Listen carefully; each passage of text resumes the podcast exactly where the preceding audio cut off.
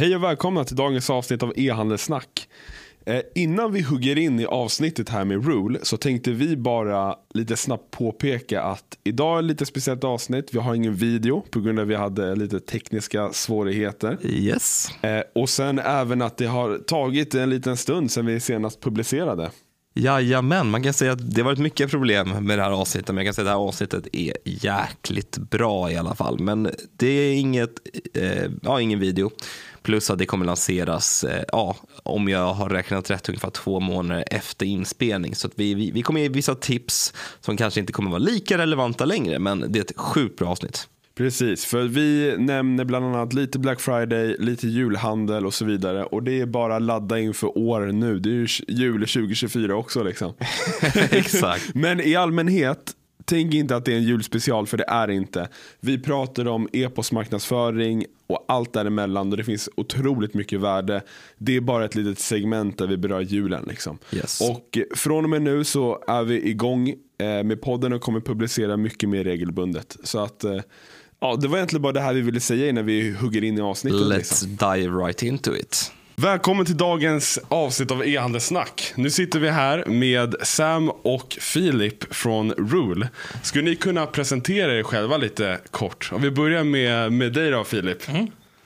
Uh, Filip heter jag och är Head of Customer Success på Rule. Jag har två ansvarsområden och det är vår supportavdelning och vår Customer Success-avdelning som jobbar med våra kunder. Så jag utbildar och coachar dels våra anställda men våra kunder också. Så det är det jag gör på Rule. Cool.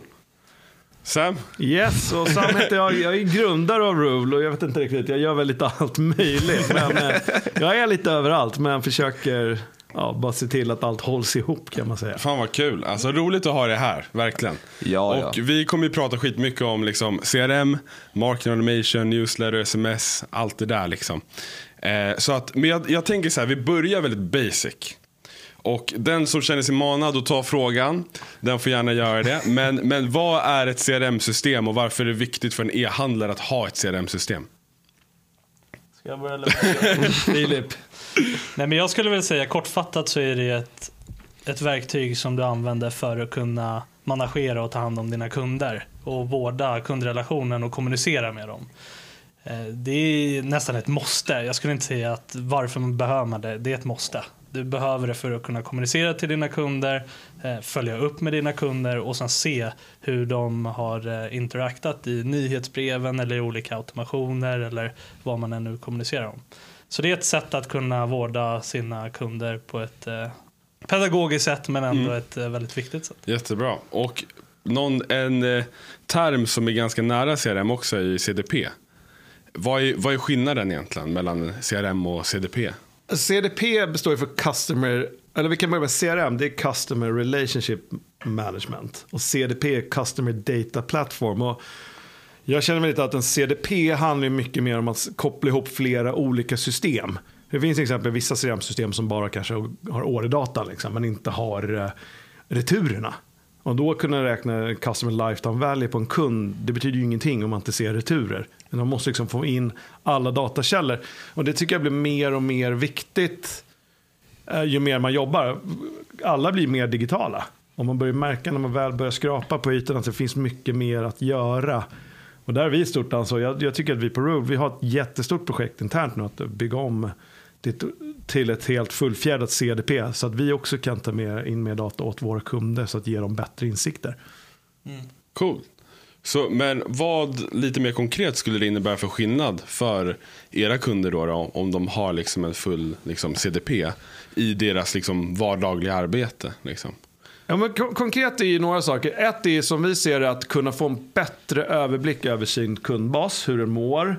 Eh, kanske kunna kolla mer återköpsfrekvens, hur ligger den till? Och det, det är en annan grej med både CRM och CDP idag är att det är ju jäkligt dyrt att köpa nya kunder. Det är väldigt populärt att 2023 ställa om till lönsamhet och enklaste sättet att göra det på det är att vårda sin kundbas. Så ut, om hon utgår ifrån det och sen kikar lite på att okej, men hur kan man ändå, som jag nämnde till exempel alldeles nyss med det här med att kunna få in returerna och se det i ett samma system, liksom man vet så här. Vi ser ju kunder som så skickar Ja, det är våra VIP-kunder, de får gratis frakt, de får rabatter, de får allting. Och sen visar det sig att så här, de har gjort absolut 10 stycken köp, men också 9 stycken returer. Och då bjuder de på fri frakt. Det är ju direkt dumt faktiskt. Man kanske till och med när man börjar liksom, när du kollar på det här så säger man vänta vi ska inte kommunicera med de här alls. Vi förlorar pengar på det. Så ja, det är väl en konkret grej kan jag tycka. Ja, ja jättebra. Ja, men det är jäkligt fair och eh, man märker att fan, ni, ni kan ju det här. Och Sam, jag tänkte bara gå in på lite, lite din, din background. 2007 startade du Rule, va? eller hur var det? Ja, men det stämmer faktiskt. Det, det, eller, det, ja, det gjorde jag. Och det, det, det var ju lite av en slump. Det handlar ju om, det var ett roligt skämt på jobbet, tror jag det en t-shirt om det här, så här, varför jag startade Ulva var på grund av att jag inte pallade vara anställd, har jag råkat säga internt någon gång. Men det, li- det, det ligger någonting i det, det kanske inte är att ta officiellt, men så var det faktiskt. Och vi gjorde någon helt annan grej, men så var det en av de kunder vi hade som var så här, men fasiken, vi samlar en massa mejladresser här, liksom, borde man inte kunna mejla dem? Och tänkte, hur svårt kan det vara liksom? Och sen så, på den vägen är det. Alltså, det måste vara enorm skillnad 2023 jämfört med 2007. Liksom. Ja, alltså jag, jag önskar jag kunde säga att det var större skillnad än vad det är. Jag tycker vi har pratat om samma saker hur många år som helst. Liksom. Jag menar, hur många kunde skicka ett kvarglömt varkorgsmail idag? Jag vet inte. Ja, men det är ju fortfarande många som inte har satt upp det och det är ju en sån enkel grej att sätta upp. Men jag tror att det handlar väldigt mycket om att man vill göra så pass mycket och sen så resulterar att man inte gör någonting istället. Börja med de lättaste grejerna och sätta upp en i taget. Det här är någonting som vi pratar väldigt ofta om, att kolla på den kundbasen som du har och kolla den datan du har inne i Rule. Och sen så segmenterar du baserat på det du har. Istället för att hålla på jag vill få in massa ny data och annan data. Ja, men börja med den datan som faktiskt ligger inne. Verkligen. Det där känns ju som en stor grej som många liksom kanske inte riktigt tänker på. Alltså jag tänker på köphistoriken är en sån klassiker. Liksom. Att, att använda den och se beteenden i dina, hos dina kunder och därmed kunna kommunicera rätt till dem. Liksom. Det, är ju, det är ju klockrent. Vad är det mer för data som ni ser som e-handlare då, då kanske missar att de faktiskt sitter på? Liksom? Ja. Jag, jag skulle väl säga, det finns ju vissa som samlar in den datan och sen så har vi vissa som inte samlar in den. Men oavsett om man samlar in den eller inte så tycker jag man ska jobba med den. Och det är ju on-site-datan du har. Vad händer på sajten? Och vi har ju tillsammans med en av våra partners, eh, Triggerby, som vi samlar in den datan och kan segmentera på den datan in i Rule och på så sätt kommunicera riktad kommunikation. Så gör man det idag, bra, men då behöver du ju fortfarande kommunicera. Det är inte bara att du ska få in datan. Men gör man inte det, då kan man ju börja med att tänka redan där. För att där tror jag man också får definiera vad är en kund. Är det någon som har varit inne på sajten och visat intresse? Eller är det någon som har handlat? Eller är det någon som har optat in för nyhetsbreven? Så jag tror att man ska först kanske börja med att kategorisera upp de olika segmenten också.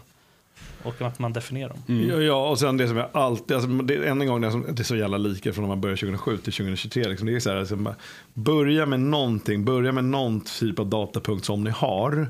För ibland tycker jag att folk kommer så här, nu ska vi allt det här, måste bygga in de här 17 000 systemen. Vi ska göra med kundresan som liksom börjar här, slutar på månen. Men liksom, börja någonstans med det. Den, den lilla datan. okej okay, jag har bara en e-post och röst, då kanske det är lite tufft liksom. Men du kan ju redan där börja se beteenden. Jag har skickat ett mail här, de här klickade på byxor. Ja men de kanske är mer intresserade av byxor än jackor till exempel. Det är ju sådana enkla grejer som liksom alla kan göra. Det finns liksom inga ursäkter. Jag håller med och jag bara tänker själv, och det händer ganska regelbundet, till och med från jättar när man får mejlutskick där de rekommenderar klänningar till mig. I mejlutskick. Jag, inte, jag, jag är ingen Det stamkund kanske av är din surfhistorik. Mm. Nej, det kan absolut vara det. Nu kommer det ut. Outar du mig? Nej men det, du har ju rätt i det. Det är tråkigt att man kan skratta åt det, men det är ju rätt tragiskt liksom. Att här, fan, inte ens ha koll på det liksom. Ja. Vad är det här? Och då har man ju ändå handlat där. De ser precis vad man har köpt liksom. Så det, det är liksom, nej där tycker jag mm, i princip alla kan bli bättre. Ja. Och möjligheterna måste vara enorma nu, 2023, med exempelvis den jag snackade om, att man kan dynamiskt få in segment i ett CRM-system. Eh, Kan ni inte gå in lite mer på exempel på vad man skulle kunna göra där för att få in dynamiskt? Jo, men så här, du kan du kan en jäkla massa, men framförallt där, absolut kolla på sajt. Absolut liksom kolla liksom på vad, vad de har köpt, klustra den datan. Liksom. Och det är samma sak där, där vi gillar att hypa våra partners. Liksom. Där jobbar vi mycket med SIF till exempel. De är ju bäst bäst i klassen på det här. Liksom. Tanka in all data där, de är inte i världens häftigaste segment och allting liksom, som man själv inte trodde fanns. Liksom. Och som är verkligen så här högkonverterande segment hela tiden. Liksom. Uh, och det, det fina då, det är det som är så jäkla bra sen i Rule. Vi har jäkligt bra struktur för att kunna jobba med, hitta väldigt många smala segment men som är jäkligt högkonverterande. Det blir ganska irrelevant att dra till hela din kundstock. Kanske att du har 100 000 mottagare. Så vet du att det här segmentet det är bara något som är intressant för 500. Ja, då kanske det inte är värt att dra till alla. Men lyckas man segmentera ut de här 500, gör då vad vi kallar en lane som bara visas. När, när nyhetsbrevet går ut så visas det bara för de här 500. Men de, av de 500 är 450 som handlar. Det är värt besväret liksom. Det är, det är sådana grejer som man borde kika mer på. Liksom. Mm. Verkligen. Och om man gör det också då kan man ju skicka ut en liksom, större volym av nyhetsbrev också. Liksom. För att många är ju rädda för att kanske spamma sin, sin målgrupp. Att de bara, vi kan inte skicka ut så här många mejl. Men det är för att de kommer skicka till alla. Men om man pinpointar varje utskick mot ett segment på kundlistan. Då kan du ju få ökad volym och ökad relevans, konverteringsgrad, allting. Liksom. Det, är ju, det är ju riktigt eh, Alltså det är ju så grundläggande och så viktigt inom just liksom e-mail marketing. Och hur, hur skulle ni säga liksom att, att CRM kan hjälpa att förutspå beteenden? Eh, har ni någon, några insikter där? Liksom? Ja, nej men eh, du var ju inne lite på att vi, vi jobbar ju vi tror väldigt mycket på best of breed. Man ska fokusera på det man är bäst på. Vi anser att vi är bäst på att kommunicera till våra kunders mottagare. Vi är väldigt bra på att få ut mejlen i god tid. Vi har väldigt bra leveransbarhet. Vi har obegränsat antal mejlutskick som vi kan skicka åt våra kunder. Så vi har ingen kapacitet på det. Utan allt är ju baserat på hur mycket mottagare de har inne på kontot. Och så som det funkar hos oss är vi behöver egentligen bara få in den här typen av datan och på sin tur kunna segmentera. Sen att förutspå så har vi olika partners som vi jobbar med. Sift är en av dem som kan ge oss produktrekommendationer baserat på tidigare köp. Men sen så tror jag också att man, man måste faktiskt testa sig fram. Det finns inget rätt eller fel om man aldrig har vågat göra något utskick som är ett segmenterat utskick. Så jag tror att förutspå är väldigt bra, men det bästa är ju AB-tester. Skicka ut en kampanj, sätt det mot olika målgrupper, lägg olika rubriker eller olika innehåll och sen så följer man upp det och baserat på det tar beslut. Istället för att gå så mycket på känslor mm. så följer man istället datan. Ja, nej men det är jättebra. Verkligen. Och jag skulle säga... Nej men bara just det att det är också så himla lätt grej att göra. Att så här, jag har en tes, jag provar den. Allt är digitalt. Mm. Varenda klick, varenda öppning, allting mäts i på liksom millisekunder. Så du får ju liksom hela utfallet får du ju i princip instant när du gör en kampanj. Alltså jag tror man brukar säga att när du nått tusen pers och är statistiskt säkerställd Då är det bara att räkna på hur snabbt du når tusen pers med din utskick. Liksom. Och där, det är good to go. Liksom. Och även det som vi brukar hjälpa våra kunder med, eller våra kunder gör själva framförallt, det är att göra en kampanj, dela upp den i två delar, skicka ut den och så väntar man x minuter, timmar, whatever och sen skickar man ut vinnaren direkt. Liksom. Bara det ger 5% högre konvertering. Det blir rätt mycket på sista raden. För de som har många segment och vill börja AB-testa, vad brukar ni rekommendera där man börjar när man börjar AB-testa? Vilka olika delar? Jag tror att man ska titta på sina resultat och baserat på det bestämma vad vill vi bli bättre, vad vill vi förbättra eller vad vill vi bli bättre på.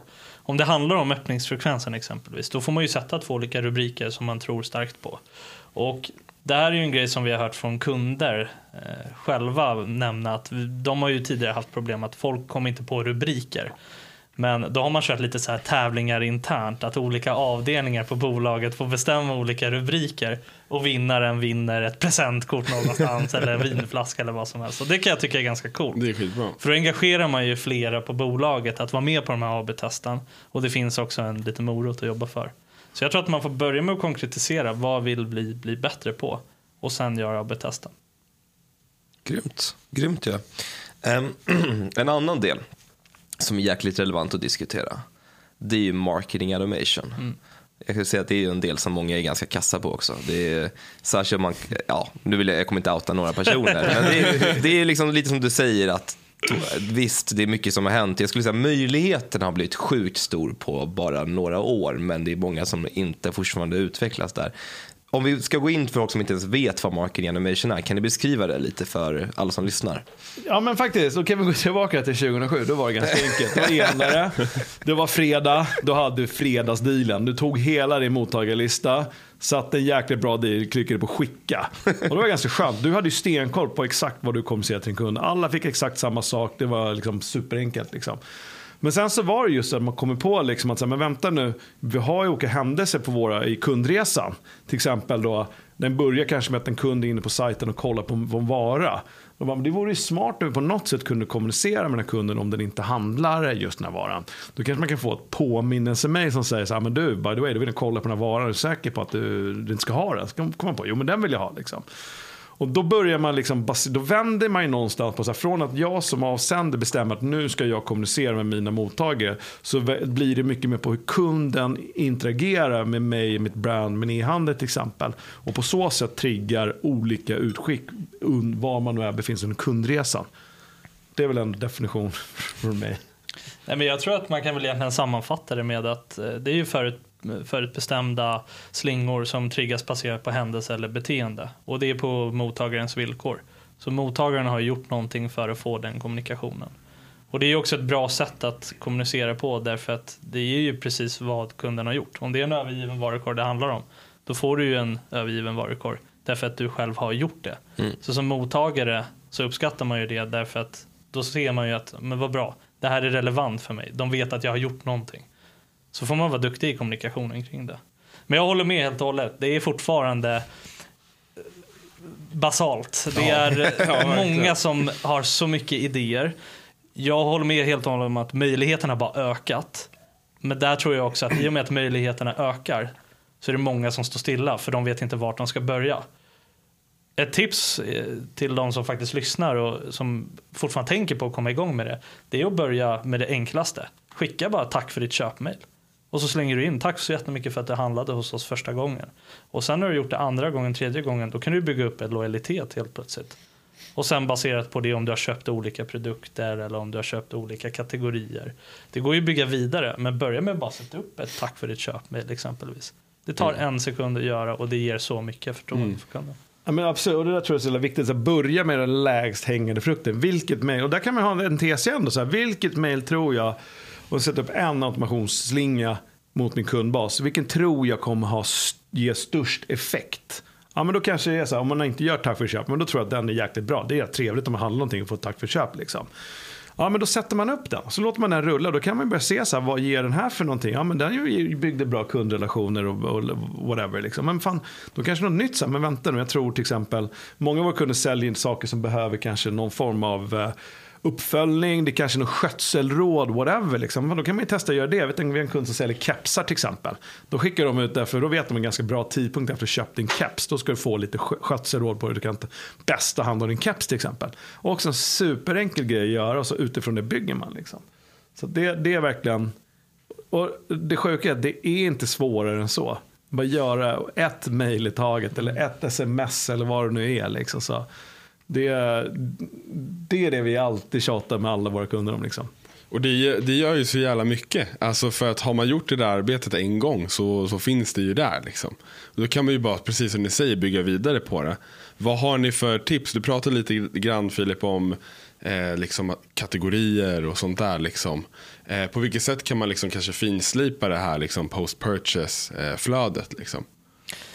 Vi har några kunder som gör det riktigt bra och det är framförallt de som har olika kategorier på sina produkter där man kan exempelvis första gången du har köpt en vara inom en kategori så kan du förklara hur den kategorin funkar och vad för typ av produkter som finns i den kategori, liknande produkter.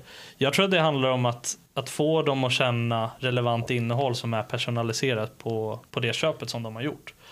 Och det här kan man ju spinna vidare på. Vi har ju kunder som har byggt upp onboardingflöden där du för första gången har köpt någonting så möts du av ett onboardingflöde i fyra veckor. Men det skickar de i olika antal dagar. Så att första mejlet går ut kanske dag två, nästa går dag 10, 20, 30 och så vidare. Det fina med det är att då behöver du inte trycka ihop allt i ett och samma mejl utan du delar upp det i olika sekvenser. Det tror jag också är väldigt mm, viktigt. Mm, det är jättebra. Och i det läget också ha koll då på att de har handlat en gång mm. eller flera gånger. För när du handlar gång nummer två, då vill du ha ett annat typ av onboardingflöde. Yes. Då ska du handla, fan vad kul att du handlar igen, liksom. du är en trooper. Och så gång tre, då är det bara yes, du måste liksom. Alltså, man liksom har lite den. Det är inte bara det här är vi, det här står vi för. Man bara, jo jag har handlat för tredje gången så jag har ganska bra koll Precis. Så, att, eh, men så, så det, än en gång, det är ganska lätta grejer liksom. Sen tror jag också starkt på att exkludera. Många tänker på att vi ska inkludera så mycket mottagare som möjligt. Men det finns också en enkel regel och det är att exkludera de som exempelvis har handlat senaste sju dagarna. Om man vet att man kör ponera att vi kör en rea och vi ska rea ut massa varor och det är någon som har precis köpt den dagen innan. Inte blir den glad om Nej, får då ett nej. mejl som säger ja, men Nej. vi har precis sänkt den här varan med 30 Ja, Det som kommer hända då högst troligt är att kunden kommer inte hämta ut sin produkt. Den kommer hamna i retur. Då kommer de betala för den returen, alltså företaget som skickar det. Och sen så lägger de beställningen på nytt. Dåligt för miljön, kostar bara massa pengar och det är dålig kommunikation. ja verkligen. Ja, exakt. Och eh, ja, det är ju briljant egentligen. Om vi går in på lite mer eh, grundläggande marketing automation-kampanjer. Ni sa tack för ditt köp, börja där. Är det några mer som ni säger till nya e som inte har jobbat med det innan? Här borde ni börja, sätt upp det här. Vad skulle ni säga till dem? Jag alltid, alla dagar i veckan, har man, har man möjligheten med Cart and Progress-mejlet så är det ju det, det konverterar ju galet. Vi har kunder Ja. som har en konverteringsgrad på 80% på de mejlen. Liksom. Helt det är ju sjukt. rätt dumt att inte... Ja, ja. Om pengarna ligger där Ja, på bordet så där. borde man ju haffa dem. Liksom. Det ja känner jag. verkligen. Så den är ju, vi var väl, det var väl på Pindex som sa att han Exakt. hade 10% av deras omsätt, totala Ja, omsättning ja. kom från det mejlet. Och det var en norsk Det miljardbolag, va? Helt galet. Det är faktiskt galet. Det är stört. Alltså, och det är verkligen det där, man blir chockad varje gång man ser en e-handel som inte har den. Alltså, Det är liksom, alltså fattar de inte hur mycket? Eller en CMS-leverantör som inte har den möjligheten. Ja, nej, men så kan det Då vara. blir man Ja, ännu mer liksom, man får en klump Ja, av kom att igen, så om det. någon CMS-leverantör lyssnar här och inte har det, snälla. Ring oss, vi hjälper er. Ja, precis. Nej, men jag tror väl eh, det som vi brukar prata väldigt ofta om är väl att man kanske kan börja med att titta på vad för olika kundtyper man har. Att man kanske kan definiera en ny kund, en existerande kund och en kund som man håller på att tappa. Och där, redan där har du tre olika flöden. Du har de nya som du kan sätta upp en onboardingflöde för. De som är existerande som handlar flera gånger kan man få riktad kommunikation eller produktrekommendationer. Och sen så har du de som kanske inte har handlat på ett halvår. Så kan man skicka en winback-kampanj. Och även där så tror jag att det handlar inte om att hela tiden slänga in massa rabatter i de här utskicken. För det är ganska vanligt att många e-handlare gör. Det ska bara vara rabatter. Men det behöver inte vara det nödvändigtvis. Man kan börja med att sätta upp utan rabatter och sen med rabatter så får man AB-testa. Märker man att det inte är så stor skillnad, skippa rabattkoderna då. Skicka istället bra innehåll som mottagarna uppskattar. Mm. Håller med. Och just det här med winbackflöden är också sjukt, sjukt intressant och häftigt. Särskilt också för eh, ofta köpprodukter. Ja. Det är ju jäkligt intressant. Förbrukningsvaror, Förbrukningsvaror, liksom. det är ordet. Det Det är som vi var faktiskt, eh, vad var det, förra torsdagen hade vi ett event med någon som heter Oculus som jobbar med lojalitetsplattform. Ja, Jag blev faktiskt lite chockad faktiskt, men där vi som ett case, kundcase med Domino's Pizza. Som där liksom winback-mailet hade högre konvertering än deras första så här välkommen-mail. Det är rätt sjukt faktiskt. Det är tänker på det. Men det är bra att tänka. Så winback är ju verkligen en riktig guldgruva. Så borde jag Ja. säga. Det Ja. man skulle kunna göra som är väldigt snyggt på just winback-mailen är ju att man kan ju visa där handlade du hos oss senast. Så man visar att man också har koll på vad de har köpt för någonting. Och det funkar väldigt bra framförallt för de som har påfyllnadsprodukter. Jag tänker på parfymer, smink och dylikt. Perfekt tillfälle och det här handlade du hos oss senast. Vill du fylla på med mer? Klicka här. Landa på en landningssida med exakt samma som du köpte tidigare.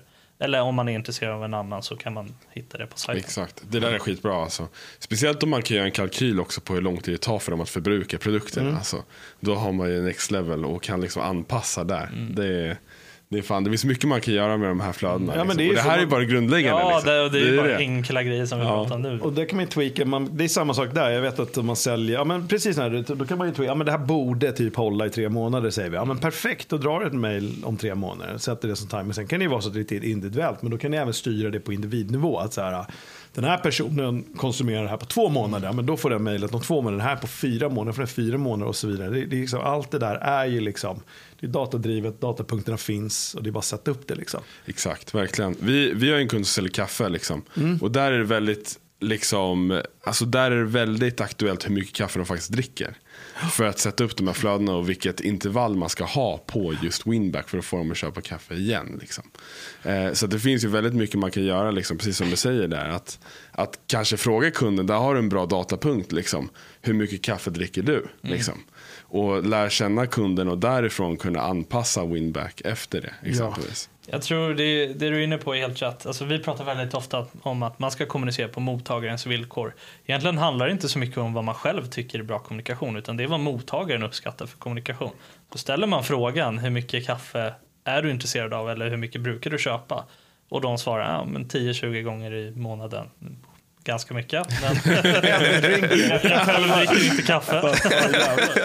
men är det så mycket man, man köper, då vet man att det här är en bra mottagare som själv har sagt att de vill ha kommunikation så ofta. Japp, japp. En annan bra grej just det här som liksom med segmentering och sådana saker som man kan tänka på. Det, är, det jag tror jag är högaktuellt för en kaffeleverantör. Liksom. Då har man sina kunder som sitter och köper. De, man köper bara samma kaffesort dag ut, dag in, år ut, år in. Liksom. Så, så kommer en kaffe, kaffecellen, kollar lagret bara jäklar nu har vi riktigt mycket overstock på den här bönan. Liksom. Hur blir jag av med den? Mm. Ja, men självklart kan ni dra ut den då till alla. Och så jag som absolut aldrig dricker det, bara, vad fan varför mejlar här till mig? För du vet att jag gillar den där bönan. Liksom. Så det blir bara dålig PR eller dålig kommunikation. Men det man kan göra, då gör man så bara, men tjena Sam, du som dricker alltid den här kaffesorten. Jag tänkte på dig faktiskt, borde inte du prova den här? Var lite mm. adventure att testa något nytt. Och då blev det så här, men fan det kanske jag skulle göra. Så liksom, det är samma budskap, det är samma produkt jag ska sälja. Men givet den data jag har om kunden mm. så kan jag förmedla på ett annat sätt. Det är likadant när du säljer sport. Det liksom. Ja. Nej, men jag gillar det också för det, är det, det som man stör sig på det är när man får utskick eh, med produkter som verkligen inte stämmer överens med en eller att man kanske inte har testat produkten innan man köper alltid någonting annat. Eh, men om man får den här informationen att vi vet att du köper det här men då borde du gilla den här också. Och det, det får man ju oftast on-site. Alltså det, kan man, det är många som är jävligt duktiga där liksom, som mm. har ju lösningar som gör så att man automatiskt kan få produkter man har kollat på innan eller som påminner om produkterna. Men det känns som att folk inte tänker på det lika mycket när det gäller e-mailutskick. Nej men så är det faktiskt. Och där, där, där tycker jag det finns en annan utmaning. Det, det börjar faktiskt bli bättre. Just för att alltså, så här, det är ju lite för oss en så perfect storm. För att det alltid varit sen vi började med nyhetsbrev en gång 2007. Så bara, ja men e-mail, e-posten håller på att dö. Mina barn kollar aldrig mig. Så, bara, så växer de barnen upp och blir 20 och börjar kolla mig tydligen. Liksom. Så det finns ju alltid där.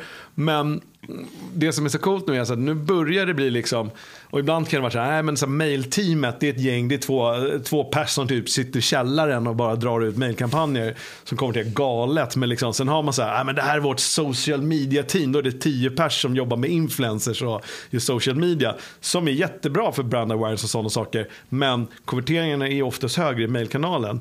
Uh, och där tycker jag någonstans också att det blir nu liksom att här, man börjar jobba ihop uh, liksom över hela bolaget. Så att det inte blir den här silotänket. Så här, här sitter onsite-teamet och gör massa grejer som typ e-postteamet inte har koll på. Utan man försöker gifta ihop hela kommunikationen. Så att jag som kund ser en röd tråd genom hela, hela bolaget. Liksom. Det där är så jävla viktigt. Alltså verkligen.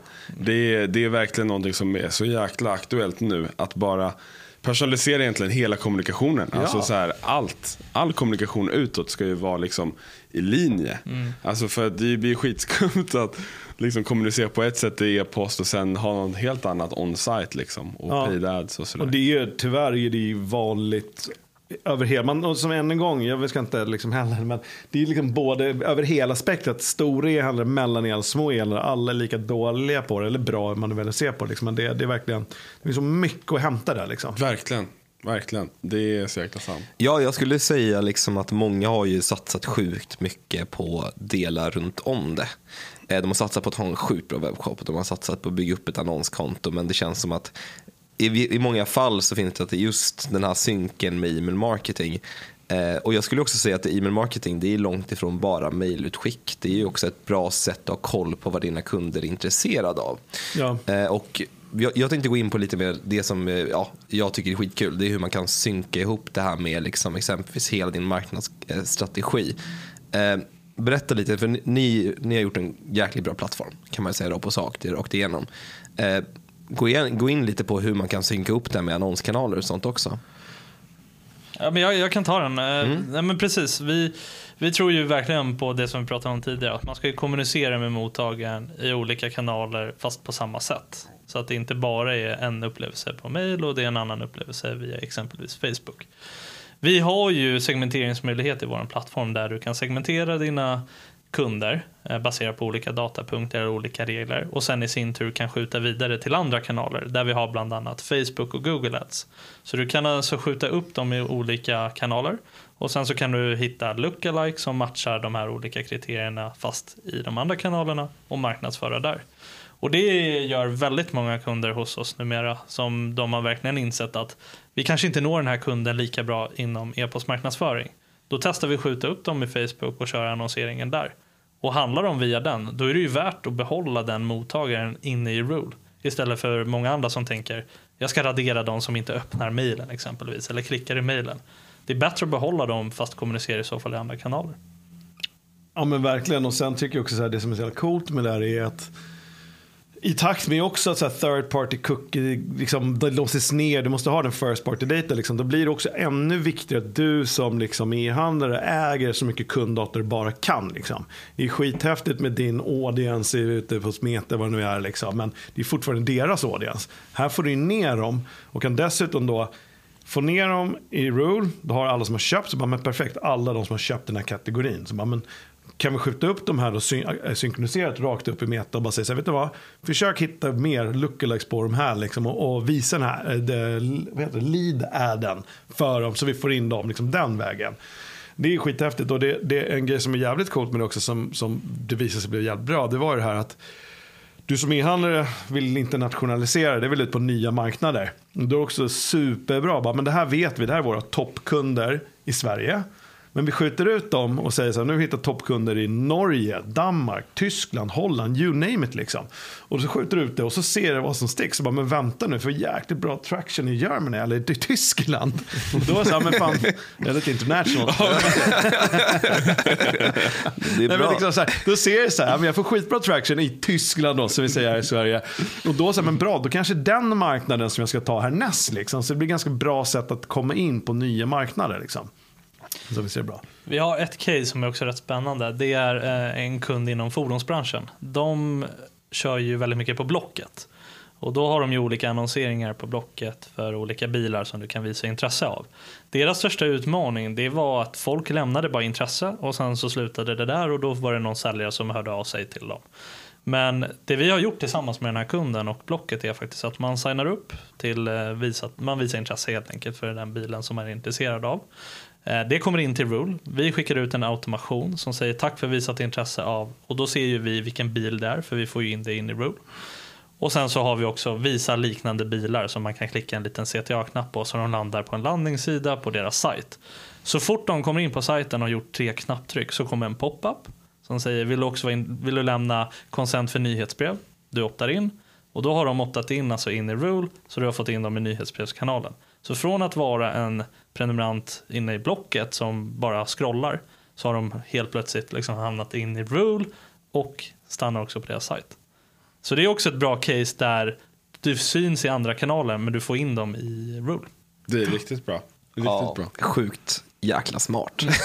Måste Ja, man Men det, som är, och grejen här, det som är så kul är det är busenkelt att göra. Det är liksom två, tre hopkopplingar som man fixar in i Rule och sen är det klart. Liksom. Men det gäller ju bara att ha de kreativa idéerna. Liksom. Då kommer man på det ganska fort. Liksom. Och det här är ganska kul för det här är ju inte ens en e-handelskund. Det här är ju inom fordonsbranschen. Ja. Ja. Och det är ju det som gör oss ganska unika i, i och med att vi har ju inte nischat vår plattform för bara e-handlare. Absolut har vi väldigt mycket e-handlare.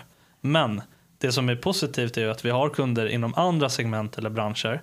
Så vi ser ju hur de har gjort och hur man kan applicera det mot e-handeln. Kollar man exempelvis på mediehusen, de är betydligt mycket duktigare än e-handlarna inom att omborda nya prenumeranter. För det är hela deras business. Så jag tror att e-handeln kan lära sig mycket av andra branscher. Det är därför vi väljer att jobba med alla. Ja, om vi går in lite på Verkligen. det att onboarda kunder. Har ni några specifika tips på hur e-handlare kan bli bättre på att onboarda sina befintliga kunder? Jag tror att till att börja med ska man kolla vad var det för någonting de gjorde för att komma in till Rule. Om Ja. det var exempelvis att de signade upp och fyllde i sitt telefonnummer för de visade intresse av sms. Då kan du bara ställa frågan. Kommer du vilja ha sms ofta? Exempelvis. Ja, jag kommer vilja ha sms ofta. Bra, då vet vi att vi kan smsa den här kunden fler än en gång i veckan exempelvis. Eh, men också, jag menar, köper man någonting, visa den produkten som de köpte i onboardingflödet. Vad kul att du köpte den här produkten. Visste du att vi kommer från det här och det här är vad vi står för? Och sen så kan man hinta om andra kanaler som man syns. Fast det kan man ju göra kanske vecka två i onboardingflödet eller vecka tre eller vad det nu än är. Och en annan grej som är skit, eller väldigt bra att göra, det är liksom att tänka liksom lite mer flerstegsraket. Mm. Det finns ju, jag ska behöva fortfarande nämna vad någon e-handel, liksom. jag bara, men jag är ju, man gillar ju nyhetsspel. Liksom. Så jag bara, nu signar vi upp. De bara, vad kul att du är med i vår kundklubb. Jag bara, nej, jag vill få ditt nyhetsbrev. Och de bara, by the way, varför personnummer? Jag bara, vad är det med mitt nyhetsbrev? Ja, men det, det här händer ju fortfarande, får upp den här liksom, ja, tio tio stycken fält du ska fylla i för att kunna få ett nyhetsbrev. Liksom. Och det känns ju ganska dumt. Man brukar väl säga att det gäller fortfarande att man, du tappar 10% av konvertering per liksom, fält du fyller i. Och ska man hårdra det så det viktigaste är det att du får in ja, e-postadressen eller mobilnumret. Så börja redan där. Liksom. Man säger, ja, men bra, här, vad kul, vill du ha nyhetsbrev? Jag vill fylla in nyhetsbrev, min, min e-postadress. Får in den, supertoppen. Samma sak där, jätteenkelt tricks där också. Det är så här, ja, men Sam var inne och kollade på om vi tar bilbransch, han var inne och kollade på, på vinterdäck. Ja, men skicka med vilken sida jag var på. För man skulle ju kunna tänka sig att när jag signar upp en nyhetsbrev när jag kollar på vinterdäck, då borde jag ju ha ett intresse i vinterdäck. Så redan där har du fått en, en gratis datapunkt som du kan klä på e-postadressen. Liksom. Och sen då i onboardingen så får du välkomstmail och sen by the way, vill du få lite bättre erbjudanden så fyll i din adress också. Så fyller jag min adress i nästa gång. Liksom. Och, och, tredje gången, du, vad har du för bil förresten? Eller kanske man skulle ta andra gången. Men, men liksom de här grejerna, liksom, att man ber om liksom successivt mer och mer information. För att ju mer relation jag får med det här varumärket, nej jag vill inte lämna från mitt personnummer första, jag surfar på din sajt, får upp en pop-up och sen lämnar personnummer, bara nej tack. Men däremot så här, bygga lite relation, där man skickar häftiga bilar till mig, eller vad det kan vara. Då blir jag mer och mer lojal mot det varumärket. Mm. Så det är liksom det. Då blir det ju att man kommunicerar på mottagarens villkor också. För att är det så att du faktiskt fyller i personnumret, då har ju du själv sagt att då är jag okej okay med att ni kommer kommunicera där. Men i första steget när du bara fyller i massa fält, det enda du vill är att bara ta emot nyhetsbreven. Sen kan man ju ställa fler frågor. Ja, verkligen. Verkligen. Och det är också den här klassiska liksom, med att fråga hur ofta man vill ha nyhetsbrev och sånt också. Det är en väldigt värdefull insikt. Ja. För att vissa vill ju liksom inte ha mer än bara de här absolut bästa dealsen och sånt. Medan andra är hyperfans liksom. Och vill ha, vill ha gärna veckor och läser allting och hela brandstoryn och allt. Då ska de ju få det. Liksom. Ja men exakt. Såklart, såklart. Än en gång, det är, så, det är bara vill de ha det ska de få det. Vill de, alltså, de ska få det så som de vill ha det. Det är superenkelt. Liksom. Jag tror det handlar väldigt mycket om att många e-handlare framförallt tänker att de ska kommunicera det de vill kommunicera om. Inte vad mottagaren faktiskt har bett om att få. Så där tror jag är något som faktiskt många e-handlare kan lära sig. att mm. Börja med att ställa frågan vad är det för någonting ni vill ha? Och sen baserat på det så kommunicerar. Samma sak när vi ska sälja in Rule till företag. Då visar ju vi det vi vill, eller det de vill se, inte vad vi vill visa. Plattformen är ju till för dem, det är ju inte till för oss. Samma sak med kommunikation är ju till för dem, det är inte för företaget som kommunicerar. Exakt. Ja, men exakt, det är som att ha en säljare i en butik och så kommer man in och jag vill ha jeans och visar man upp en klänning. Man ja, bara, men, men det här var inte här är skorna också, här är vinterjackan. Och man bara, okej, okay, men jeansen. Ja, jag får det personnummer också. det här är det som är så jävla roligt. Vi sitter liksom och garvar åt det här, det här för ja. det är komiskt. Och sen så bara kollar man sin inbox när man kommer hem och bara, fast där händer ju i ja, min inbox. Exakt, exakt. Vad händer liksom?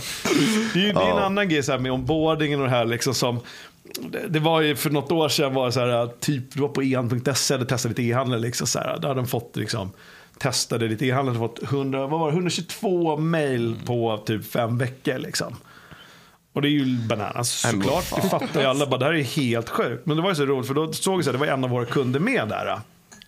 Och så började vi så här grotta Det var ganska lätt att se journalistens mailadress när man kollar. Så här, okay, men du ser, det här är det vi har skickat. Och då börjar vi gå igenom, vad är det vi har skickat där? Jo men fasiken, vi skickade ju välkommen, alltså ombordningsslinga, några mejl liksom. Det är ju bra mejl. Och den e-handeln hade för övrigt också kvarglömd varukorg. Bäst konverterade mejlet har vi sagt. Så det skickade också skitbra. Och så börjar man lägga ihop det, men vänta nu det finns en mening bakom alla de här mejlen vi har skickat. Liksom. Men så de, det är bra innehåll, men då, det var ju där då vi bara väntar. Det är frekvensen som gör det här till att det blir galet. Det blir liksom det här, man kan liksom inte skicka ett mejl om dagen. Vissa kunder skickar ju flera mejl per dag. Liksom. Och än en gång, vill kunden ha flera mejl per dag, supertoppen, men de flesta vill inte det. Liksom. Så där måste man också börja som e-handlare tänka, liksom, hur ser frekvensen ut? Och där finns det ju en utmaning i marketing automation. Det här som jag sa förut, att när jag var fredagsmejlet, då visste jag att jag skickar ett mejl i veckan till min kundbas det, jag har koll liksom. Men när det sen byts om det så att det är kundens agerande som styr hur mejlen skickas. Då blir det svårt för e-handlare att ha koll på vad är det vi skickar egentligen. Uh, och där, där hävdar vi, det är där vi har löst, det är det vi kallar vår journey builder. Att liksom, de flesta MA och marketing automation system som finns idag är just det här. Vi har våra flöden som är så det här är kvarglömd varukorg. Det här är tack för ditt köp och det här är vilka är vi. Liksom. Och sen kan man ibland ställa in så här, men skicka max ett mejl om dagen. Och det är ju kanske bra liksom. Men då kommer det här roliga mejlet. Oj, du har inte använt din rabattkod. Man bara, äh, men jag har inte fått ett mejl med rabattkod liksom. Och det är så här, oj då, ja, men det kanske var bra att skicka den liksom. Så att vad vi har jobbat mycket med det här, det är liksom att jobba inte ett, jag har någonting, ett budskap till min kund som jag vill meddela dem om. Och då skickar jag ett mejl om det. Utan tänk istället så här, tänk bort just meddelandet. Tänk vilka budskap vill jag ha? Jo, men jag vill säga, jag vill säga grattis till födelsedagen när mina kunder fyller år. Ja, det är ett budskap. Ni behöver inte innebära att det är det, just ett mejl. Utan vad man gör då, att då slänger man in det i hela vårt journey builder. Alla olika budskap jag har till mina kunder.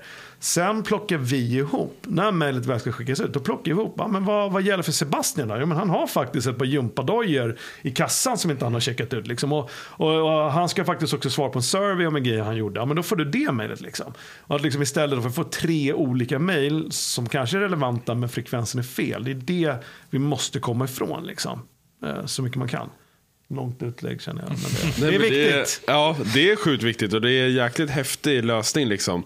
Alltså just med, med journey-bilder. Viktig och, lösning också. Ja, och det, det blir verkligen, alltså det är bra namn på det också för att man, eh, det är ju det som är, liksom, det är customer journey. Alltså så att man, kundresan egentligen. Och det är ju, vad finns det mer för grejer man kan göra med just journey-bilder exempelvis för att bygga upp det?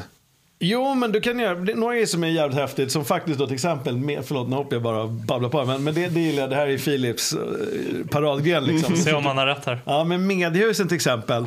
De har redan nu byggt upp deras årshjul i Journey Builder. Så de vet liksom att det här annandag jul kommer vi inte dela ut tidning liksom. Då har de redan lagt in det nu. Så då kommer det komma som ett block i det mejlet som går den dagen. Liksom. Att så här, idag får du ingen tidning i brevlådan, men så här loggar in digitalt. Och då lär de också sina kunder att bli mer digitala och läsa online till exempel. Så den är ju skitbra Journey att bygga in alla sådana. Du kan ju sitta, det är bara vika en eftermiddag Lägg lägga in alla liksom, de du har. Liksom. Nej men eh, man kan sätta verkligen upp alltså, vad som helst. Men vi har ju som sagt kunder inom olika segment och några som gör det ganska bra det är en av våra kunder som jobbar med cashback. De skickar ju väldigt simpelt i slutet på månaden. Det här var din cashback översikt under februari månad eller mars månad eller vilken månad det nu än är. Och det som är coolt med det, då kan man alltid skicka en reminder att så här var den här månaden för dig. Det här kan ju alla företag göra. Det behöver inte nödvändigtvis vara cashback. Kolla på Spotify. De skickar ju så här year in review-utskick. Det här var ditt år med Spotify. Hur smart är inte det? Skicka jättebra. något sånt slutet på månaden varje månad. Det där blev en sån skomakarens barn. Vi bara, men varför gör inte vi det här för våra kunder? Så, gjorde vi det direkt. ja, så nu gör vi faktiskt det också. Och den coola grejen nu, nu kommer vi göra den varje månad. Och då har vi också dessutom då gjort, lagt in filter. Det här kan vara också en bra grej. Det kan ni vara, det är vi ärliga med här. Liksom. Då har vi lagt in filter så att om det är dålig statistik för kunden, då väljer vi faktiskt att inte skicka ut den. Och säga, Åh, grattis, då har du mer unsubscribe än open. Så här, Nej, men då behöver inte, eller så här, grattis, du har faktiskt inte gjort någonting den här månaden. Det är noll överallt. Och så här, men då struntar vi. Liksom. Ja, ja. Men det är så, en gång, det är så enkel grej att göra. Bara segmentera ut de som inte har vissa thresholds och så går det bara till de som faktiskt det är något bra att säga. Liksom. Och det, det är sjukt viktigt att skicka ut relevant innehåll. Liksom. Ja. För att då kommer vi in på en annan grej som jag vill diskutera och det är leveransbarhet. Ja. Eh, liksom, det finns ju mycket som är viktigt för att påverka sin leveransbarhet. Skulle ni kunna liksom berätta lite grann kring vad man kan göra själv för att, för att få bättre liksom, leveransbarhet? Ja, men jag, kan, jag kan börja. Det här är kungen av leveransbarhet. Aj, aj, aj. Snacka med han om GDPR och leveransbarhet. Då Då jävlar. jäklar. Då går jag igång. Nej, men en, en självhörd inställning är ju det, det som vi säger till alla våra kunder är att man måste ställa in eh, leveransbarhetsinställningar som är SPF, DKIM och DMARC. Och det ställer man in i domäninställningarna där man validerar att det är OK att Rule skickar mail i vårt namn. Det är ett måste. Det är inte ett krav, men från oss är det mer eller mindre ett måste. Jag vill faktiskt flika in bara på det. Det kommer vara ett krav för 2024, Q1, då kommer både Gmail och Yahoo slänga alla Ja, mejl som inte har SPF, DKI och DMARC. Så det kan vara bra. Ja. Bra för Så det, det blir faktiskt ett Det krav. blir Det blir ett krav. Ja, Det blir ett krav. Det Och sen, jag menar, det, det som verkligen spelar roll, alltså det är ju verkligen dels vad du skriver i själva mejlet. Man ska ju undvika att använda spamfraser som exempelvis billigt, gratis, bästa erbjudandet. För det sånt där kommer trigga igång de olika klienterna och säga, nej vänta lite, det här är ju reklam rakt av. Lägg det i skräpposten istället. Sen handlar det jättemycket om alltså, frekvensen som vi har pratat om tidigare. Om man skickar fem mejl om dagen, jag kommer inte outa men jag får vissa mejl från stora e-handlare som skickar tre, fyra mejl om dagen. Det som händer är att folk kommer skräpmarkera de här. Och så kommer jag hamna i skräpposten och då kommer alla utskick hamna i skräpposten. Och det är inte roligt att jobba för den eh, leveransbarheten att få tillbaks förtroendet senare. Det räcker med att fem, sex kunder gör det och då har man ett dåligt rykte. Så det handlar väldigt mycket om vad man, alltså dels frekvensen men också vad man skriver faktiskt i utskicket. Och för guds skull, ha inte bara bilder i nyhetsbreven. För det är vissa som gör det, alltså bara bilder. Samma sak där, klienter känner av det och känner det här är bara bilder, det är ingen text. Man får ju dela upp det lite. Ja. ja. Nej men än en gång, alltså så här, det, det, det skiftar ganska mycket. Men det, det som framförallt det funkar idag, det är ju liksom när en kampanj kommer till e, alltså e-post, e-, Gmail, Outlook, Hotmail, alla de här. Liksom, då börjar de mäta hur blir interaktionen. Om då väldigt många börjar med att klicka på spamknappen, då tänker liksom Gmail, men vet du vad, vi gör alla våra kunder tjänst och lägger hela kampanjen i spamkorgen. Om det istället är tvärtom, att det blir massa interaktion. Det är mycket det det bygger på idag. Blir det mycket interaktion, liksom, den här kunden öppnar, laddar bilderna, klickar på länkar, liksom, scrollar i mejlet, ja, men då tänker jag, ja, men fan, det här är en jättebra kampanj, det här är absolut inte skräp. Liksom. Och det där blir viktigare och viktigare. Förut var det vi har ju våra mailservrar, vi har ju typ 512 olika mailservrar som skickar ut mail liksom, beroende på. Liksom. Förut var det lite så här, men den här IP-adressen då, den, den hade dåligt rykte, allt kom i skräpkorgen. Men idag är det helt tvärtom, vi kan ha en IP-adress där ena kundens mail hamnar rakt in i inkorgen och andra alltid i spammen. Liksom. Och vissa ibland kommer inte ens fram blockas redan innan. Liksom. Så det är jättemycket då på, på ryktet på det som avsändare. Uh, och sen så är det viktigt då, det, hjälper vi, det här är det vi hjälper våra kunder med. Säger, men kvittomailen från en del, eh, kampanjmailen från någon annanstans liksom, och sådana saker. Så att, um, leveransbarheten, det, det handlar bara om en gång. Alltså det är därför vi sagt det tusen gånger redan. Men det är liksom, det, det, du ska skicka det som dina mottagare vill ha. Och samma sak där, det är mycket viktigt att jobba då med segmenteringen, personaliseringen, liksom att skicka rätt erbjudande till rätt person så att de verkligen tycker det är bra och tar emot det. Då är det, då är det hemma. Det är inte svårare än så. Finns det någon, någonting man kan göra för att rädda upp det? Liksom? Eller är det bara att försöka göra bra segmentering? Och liksom, eller finns det något Alltså, knep för det? Liksom? Ja, oh ja det, det du får göra, alltså så här, du får ju börja om från scratch så att säga. Det, och det, det, här, det, det är så jäkla svårt så det är liksom att du, ska, du får börja, om du nu har bränt hela skiten liksom. Då, det, då får du börja dag ett. Då skickar du ett mail till din bästa kund. Och hoppas att det kommer in i korgen. Dag två, då skickar du två mail till dina två bästa kunder. Ja, då borde det börja funka. Liksom. Dag tre, fyra mail till dina fyra bästa kunder. Och så får man hålla på så tills man liksom har värmt upp sin kundbas igen. Liksom. Och då förhoppningsvis inte får dem att spammarkera. Liksom. Så att man ska alltid försöka, och det hjälper vi våra kunder med också, att alltid skicka till dina mest aktiva kunder först. Liksom. Så att de som verkligen har det får det först och de som inte är så aktiva får det sist. Liksom. Och det är en logik som faktiskt är automatiserad i plattformen. Så drar du ut ett utskick till 100 000 adresser. Vi är ju snabba på att skicka mejl. Vi pumpar ut ungefär, nu uppe nästan på 6 000 mejl i minuten per kund som skickar. Så det går ju väldigt fort. Men då är det ju till de bästa öppnarna. För vi ser ju vilka som öppnar oftast och mest. Det är riktigt bra. Ja. Jag älskar också de företagen, jag kan ge lite shoutout, exempelvis Apohem som är jävligt duktiga på att samla data eh, genom guider på vad kunden tycker om och skjuta in det i CRM-et. Det är ju briljant, exempelvis deras eh, vad heter det, solskyddsguide. När man kan bara trycka ja, men hur gammal du är, ja, men vad är det, alltså, brukar du åka på semester i sol och bad eller åker du i städer, så bara klickar du in det egentligen och så bara boostar det CRM-et automatiskt för att, sam- för att egentligen segmentera kunden per automatik. Ja, men exakt. Det är ju briljant egentligen. Det, det är typiskt saker som är så här, väldigt enkla att få till. Ja. Skapa extremt mycket värde i alltså genom hela kedjan. Då får man liksom, de vet ju mer om dig, du får relevanta produkter, alla vinner. Liksom. Ja, exakt. Det är bara att tänka relevans egentligen. Verkligen. Och eh, en sak som jag tänkte på lite grann också, det var ju så här, vi snackade lite grann om att eh, alltså uppdateringar och sånt som påverkar och sånt från Gmail och det. Eh, iOS 17 tänkte jag. Där har man ju hört att det är ju många som har snackat om att det här kommer skaka om ordentligt. Liksom. Eh, vad är ert perspektiv? Liksom?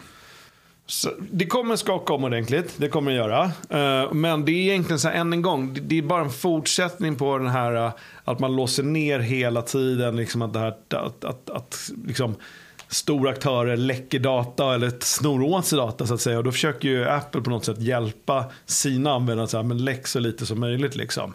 Eh, så det som händer är ju att det stängs ner väldigt mycket. Ja, men just när on-site trackingen blir svår och svår. En cookie lever bara i sju dagar idag så kommer det efter sju dagar som är som en ny kund.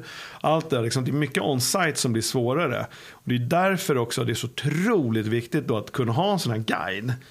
Då kan jag samla in mycket mer data som jag klär mitt CRM-system med och låter datan ligga där. Sen kan vi också som e-handlare var jävligt glad och tacksam. Vi har haft ett, par, ett, vi har haft ett decennium där vi har, Facebook och Google har gjort det gratis åt oss. Liksom. Vi, får bara få, vi behöver inte gjort någonting, vi har inte behövt jobba, vi behöver inte behövt anstränga oss. Vi har bara kunnat ta emot att de kan visa upp det här. Liksom. Mot att vi betalar dem en liten peng. Men nu 2023 så, så måste du som e-handlare börja göra det här själv. Och eh, jag tror att det är en bra grej. Alltså, ju bättre du är på att lära känna dina kunder, desto bättre kommer du bli i din kommunikation. Har du lust att dra en sammanfattning över vad som har hänt i uppdateringen? Ja, men nu kommer jag inte ihåg allt i huvudet. Men det jag vet är till exempel att de gör det till och med ännu svårare nu. Om man till exempel eh, tracking-länken. Vi har ju en unik länk. När man skickar en mail med rules så är det så här, men varje kund har en unik länk. Så vi kan se vem som har klickat på vilken länk. Det är så det funkar liksom.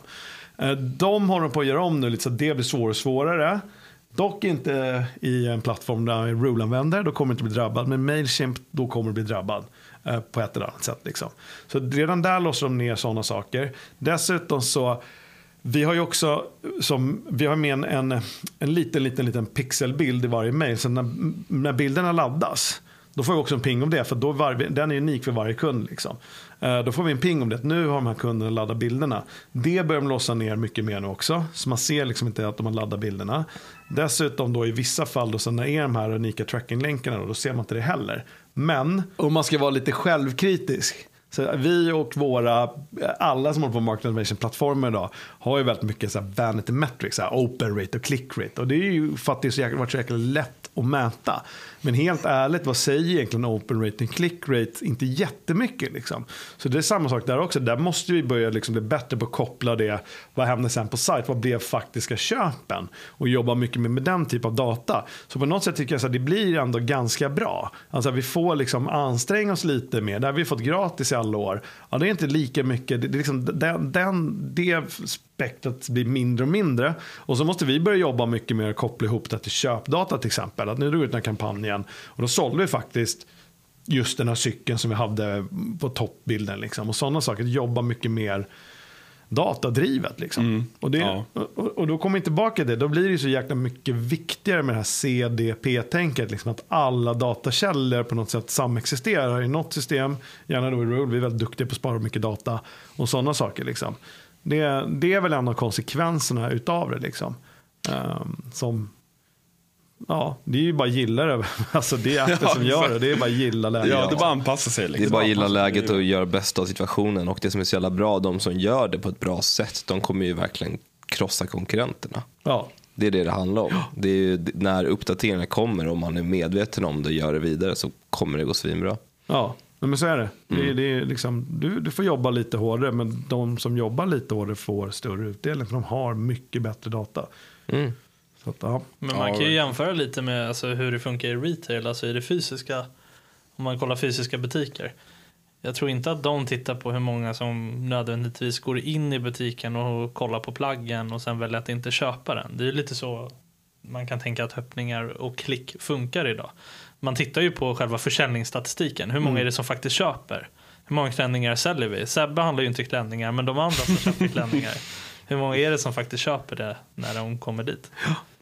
Så lite sån försäljningsstatistik tror jag kommer vara mycket mer relevant att titta på in i Rule. Verkligen, verkligen. Det är ju det är ju svårt att betala räkningarna med öppnade brev. Liksom. Alltså bara, Ja men exakt. det men måste ju exakt. ske lite köp liksom också. Ja, fan, det är ju, fan, vi går ju back där. Går, vi når fram halva bullen. Jo, men vi har många öppningar. Ja, fan vad skönt, vad vilken tur. Då. Brandy grabbar! Nej, 100 procent. Ja. Eh, Någonting vi gick in lite snabbis på innan, vilket jag tycker, som, ja, jag tror att de som lyssnar på podden kommer bli tröttna på det, för vi har nämnt det så jävla många gånger, men kundklubb. Det är någonting som har blivit så jäkla stort.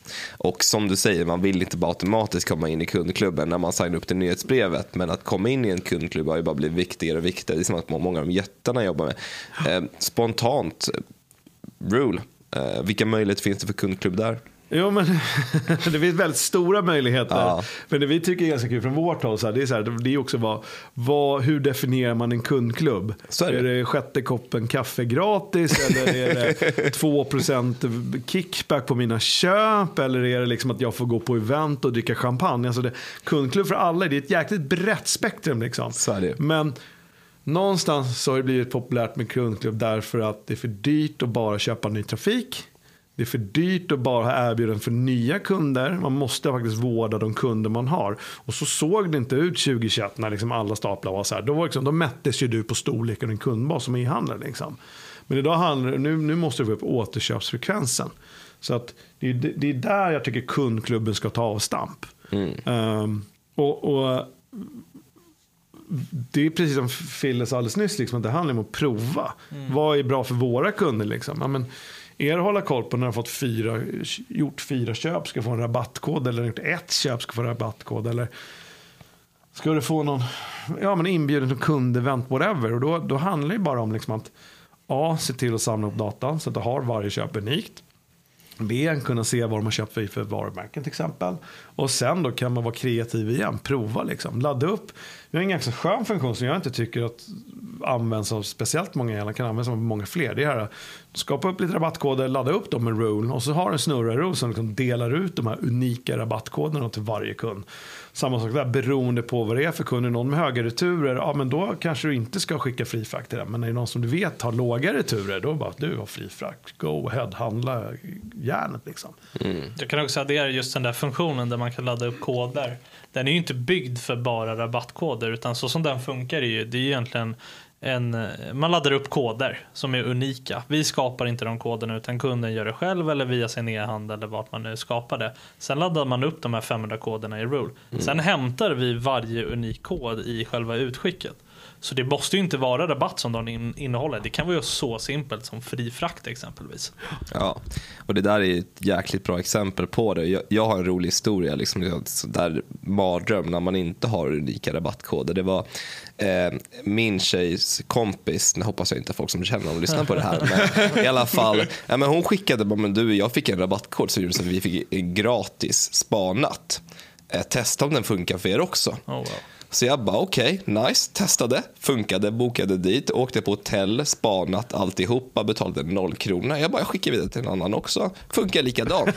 Så jag, och de har inte märkt det, det har gått svinbra. Jag menar, undrar hur mycket de har gått back Ja, men på exakt. det där. Nej, men det, det är det där som är liksom... Referensprogram är det där. Det är så kul att du nämner det här caset för jag hade ett liknande där jag testade hos en ganska stor e-handel. Jag kom inte outa, jag nämnde det här till dem, de har löst det. Men Nice. de körde, det var inte unika rabattkoder utan det var en winback-kampanj där man inte hade handlat på x antal dagar. Tog du den här koden så fick du en vara gratis. Och den här kunde man ju registrera sig, de hade ju satt e-postadresser. Men alla som jobbar med e-post vet att det är bara att slänga upp en påhittad mailadress eller så skapar du den mailadressen. Och så kunde man lägga en beställning. Jag testade att lägga 10 beställningar den kvällen. Och de har ju en 3PL som inte har koll på någonting om de här tio olika ordrarna. Och för de som inte vet vad en 3PL är, det är en tredjepartstjänst egentligen där man outsourcar sitt lager och så är det de som hanterar logistiken. Så när lagret får det, de skiter ju fullständigt i tio- olika ordrar. För de tjänar tio gånger på de här ordrarna. Så de packar ju bara tio olika beställningar och skickade. Och det här gjorde jag för att testa och se ifall det funkade och det gjorde det. Sen hörde jag av mig och sa ni kanske ska köra unika rabattkoder. Och Smart. det har man gillat. Ja. Bra sätt att sälja in det också. Använd rule. Alla de här tio HD-numren, hör, hör av er sen. Jag fick behålla de tio varorna. ja, men det är Som ett tack. Ja, men det, det är ju de tjänar du på det. Ja, returerna kostar ju nog mer pengar. Så. Ja. Nej, men så, så, som sagt, kundklubb handlar ju om att bygga kundlojalitet och det kan man göra på, på massa olika sätt. Och jag tycker också så här, det som jag tycker är så viktigt, vi har varit inne på det flera gånger, som att så här, det måste inte vara att du ska hela tiden ge bort någonting gratis eller det ska vara rabatt och sådana saker. Det handlar om att bygga ett community om någonting som man tycker är häftigt liksom. Och jag menar fasiken, jag kan tycka så här, som är så jäkla smart, innan, när jag har handlat någonting, jag är aldrig så hypad som just då. Liksom. Och då vill man berätta för alla polare, bara kolla vad coola sneakers jag har köpt. Liksom. Så, och, och hjälp dina kunder att dela med sig av sina köp. Liksom. Och se vad det ger. Så, allt så här små saker tror jag är, liksom, kommer add up till det större, att du, du får upp din, din, din RFM-matris blir mycket, mycket trevligare. Liksom. Mm. Gud ja, alltså det är så viktigt att vårda kunderna. Alltså det gör så stor skillnad, för det är det som bygger lojaliteten liksom, på riktigt. Jag tror alla har sina butiker som man liksom lutar sig lite extra mot. Liksom. Man kanske liksom har Ja, man ska köpa någon elektronik och så har man sin kedja som man bara, men säljer de den här? Liksom. Så kollar man där bara för man kanske är lite extra lojal och sånt där. Och det är det man får om man fokuserar på det du säger, bygga lite community, ha jäkligt bra kundservice liksom, och eh, liksom, ja, leverera bra kundsupport. Ja. Liksom. Och där, där är också två grejer som är så jävla viktigt. Det är, det är ett, att du kan bygga ganska mycket kundsupport i dina onboardingslingor. Ja, du förklarar, vi, så här funkar leveransen hos oss. Vi har alltid fria returer, eller du har inte fria returer. Men liksom, vi levererar alltid samma dag det lägger ordern, de här grejerna. Och då är det, så här, det är klart att om jag ska köpa en grej som jag säger, men de är 50 kronor billigare någon annanstans. Men de har ingen relation med. Då kanske man tänker, för jag vet att här kommer komma i tid, det blir ingen hassel, det blir rätt grejer. Det är klart som fan jag lägger 50 spänn mer, det är alltid handlat liksom. Så att det är otroligt viktigt just att bygga just de mjuka värdena hela tiden tycker jag i, i, kundkommunikationen. Och det, det sjuka är att det är fasiken ganska lätt liksom. Ja, ja, verkligen. Alltså, Börja Det med att definiera vad en kundklubb är för er, skulle jag säga.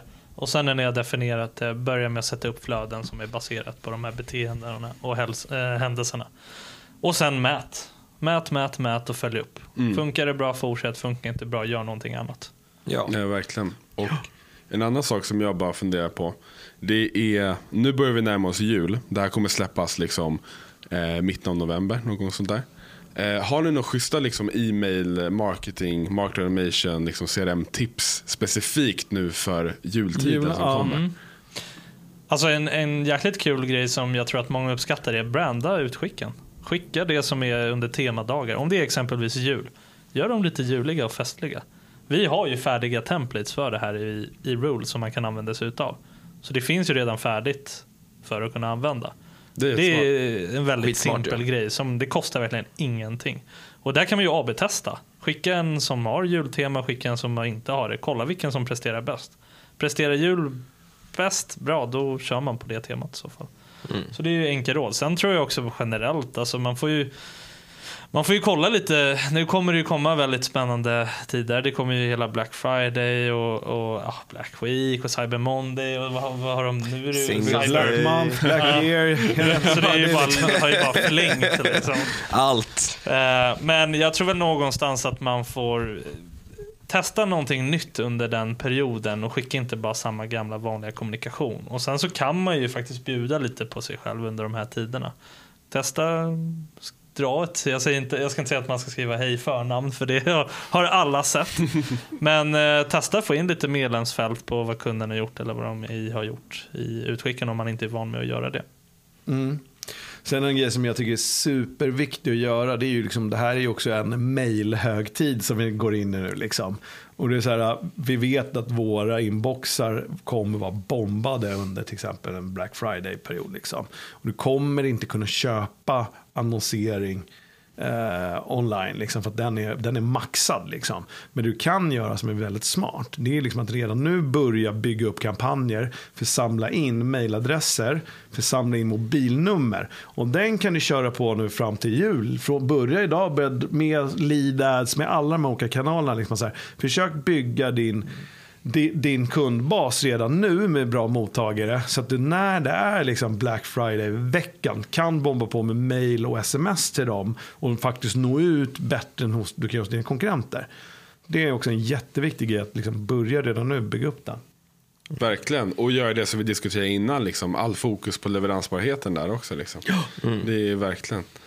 Har du något mer liksom, tips gällande just sms där? Som vi flikar in på lite. Ja, du har väl många bra. Ja, alltså det, det där är ju en jäkligt rolig fråga. Det, vi kan ju börja med egentligen att ställa bara en öppen fråga. Vad, vad tycker ni om sms? SMS Alltså, man skick öppnar alltid mess, sms. Ja, det är, överlag. nej men exakt, det är ju det är, ju- det är jävligt nice så länge inte man blir sönderspammad. Alltså det är det, men sms-utskick till slutkunder är skitsmart för att informera om kampanjer och mycket mer, för man öppnar ju allt nästan. Det är ju liksom, jag läste att det var ju vissa av våra kunder som hade 80-90% opening rate på sms-utskick. Oh ja, oh ja, oh ja. Och varför jag ställer frågan det är för att vi pratar med kunder hela tiden om sms. Vi tycker det är en självklarhet att gör man inte det så ska man testa det och har man testat det bra då vet du ifall det funkar eller inte.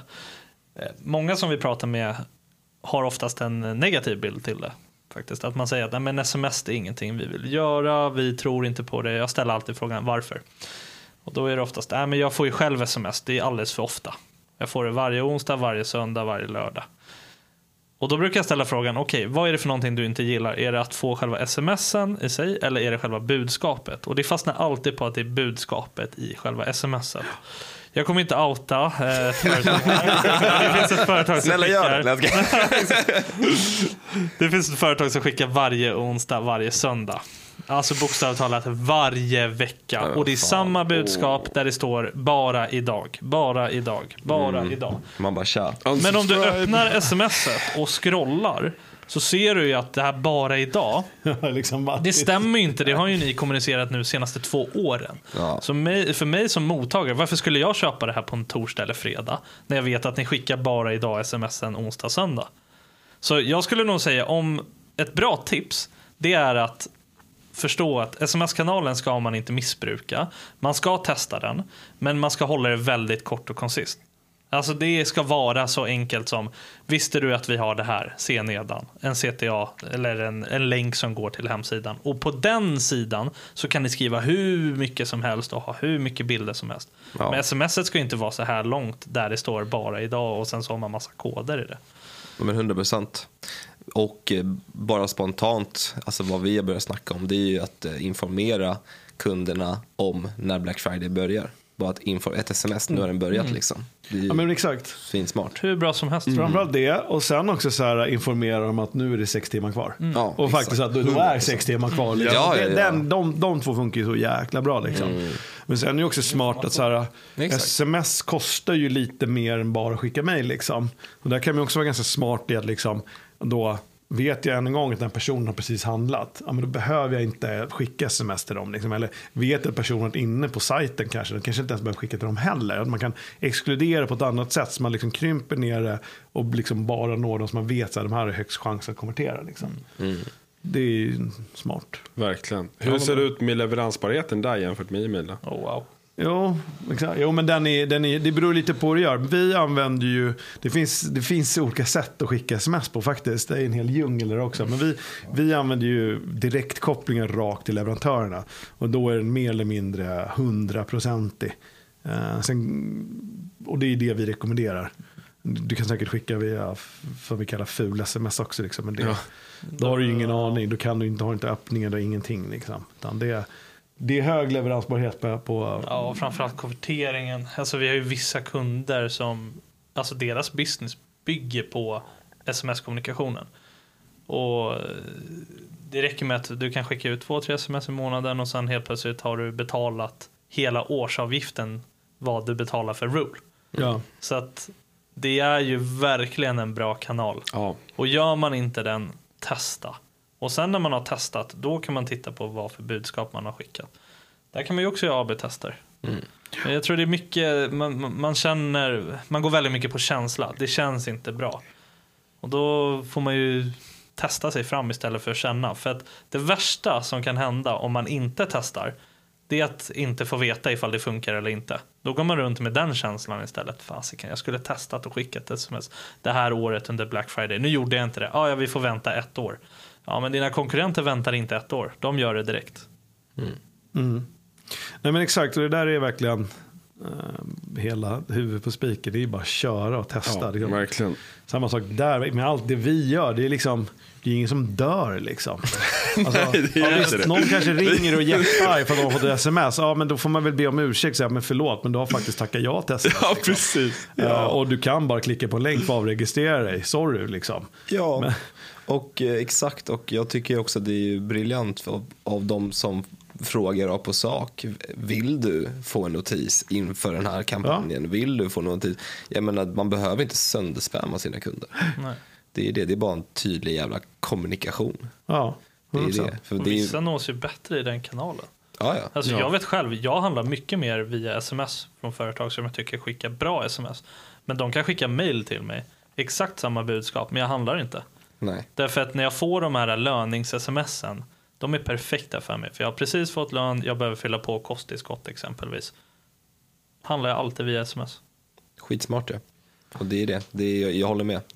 Jag, eh, för det första så ser man smsen mycket lättare. Gud ja. Så att så länge det är relevant budskap så blir man ju svinglad liksom. Men det, det är det vi också tycker att det, det kan vara bra att tänka på just med svenska malt. Man är väldigt mycket mer specifik. Liksom. Nu är det den här produkten, klicka här. Och sen kan jag tycka att man kan bli bättre som e-handlare också. Att så här, ja, men jag får den här produkten, det är så här, Sam, det är dags att fylla på lagret. Och nu kanske inte kosttillskott just för mig. Då, men det är någonting. Jag klickar och då vill jag gärna liksom landa i kassan med min produkt färdig. Så jag bara kan göra one click checkout. Liksom. Det kan inte vara så svårt att få till det. Liksom. Att säga, men fan, här är produkten, vill ha den i varukorg. Klicka checka ut så är det klar. Liksom. Den konverteringen är ju Klockren. klockren. Alltså. Gör det enkelt för kunden, kommunicera Ja. på deras villkor. Verkligen. Så enkelt är det. Grymt. Ja, alltså vi har ju diskuterat jävligt många ämnen alltså. Har du några... ja, det är ju, det är fint. Man kan ju diskutera. Ja, man kan sitta hur länge som helst. helst teorin liksom. Funderar. Har ni några heta tips Har när vi ni- liksom bara spottar ur er innan vi rundar av liksom?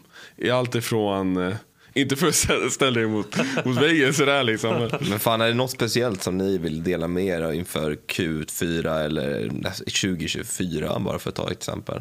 Skaffa Rule om ni inte har det. Ja, det är ett jättebra tips faktiskt. Nej, och det, det kan jag också säga, det, det händer väldigt mycket just nu i vår plattform. Det kom väldigt mycket grejer. Och det, det, som, det som vi ser och tror på, vi har varit inne på det ganska mycket nu, liksom, det är det här liksom att nu börjar liksom bli, vi alla har ju pratat om data i tusen år och det är AI hit och dit. Liksom, men nu, nu händer det faktiskt. Och det händer faktiskt väldigt mycket av det just i Root-plattformen nu. Just att det blir mer och mer datapunkter in som våra kunder nu kan använda att få göra mycket, mycket bättre segmenteringar. Vi får in ett element av AI nu här i Q4 också i plattformen som gör att det liksom kan vara ännu mer specifikt där. Så det, det är liksom nu, nu, nu finns det inga ursäkter för att inte bli bättre på att segmentera. Liksom. Alla kan göra det. Och apropå rule, ni har ju rule free nu också. Just det. Det är ju fan klockrent. Om man bara vill känna och klämma lite. Ja. Exakt. Liksom. Ju, kapacitet är bara tanken hur mycket medlemmar som helst. Du skickar max 1000 mejl i månaden. Går du över det så kan du gå över till ett professional abonnemang. Börjar på 595 i månaden så det är billigare än telefonabonnemang. Det är skitbra. Svinbra. Om man, om man vill eh, chatta med er lite grann, vad, hur kommer man i kontakt med er liksom? Ja, men sam är en bra adress och Filip. PH och sen LinkedIn är nog bäst att nå mig på. Jag eh, försöker lägga ut så mycket som möjligt där och ja. Ja, vi som bolag är faktiskt rätt aktiva på LinkedIn också. Så Rule Communication på LinkedIn är ett häftigt, häftigt bolag att följa. Så där händer ja, det verkligen. grejer. Så verkligen. att det är... Ja, ni är duktiga på det. Ja, nej, det är verkligen. Stort tack verkligen. Jättekul att ha er här. Ja, Tack men så jättemycket. Sjukt kul att vara här och få babbla om det vi, Det vi gör på för. dagarna. Ja, nej, vi, som sagt, vi kan sitta en timme till om ni vill. Ja. Vi får köra ett avsnitt till. Ja, exakt, Ja, exakt. 100%. Tack, tack så jättemycket. Tack Ja, tack.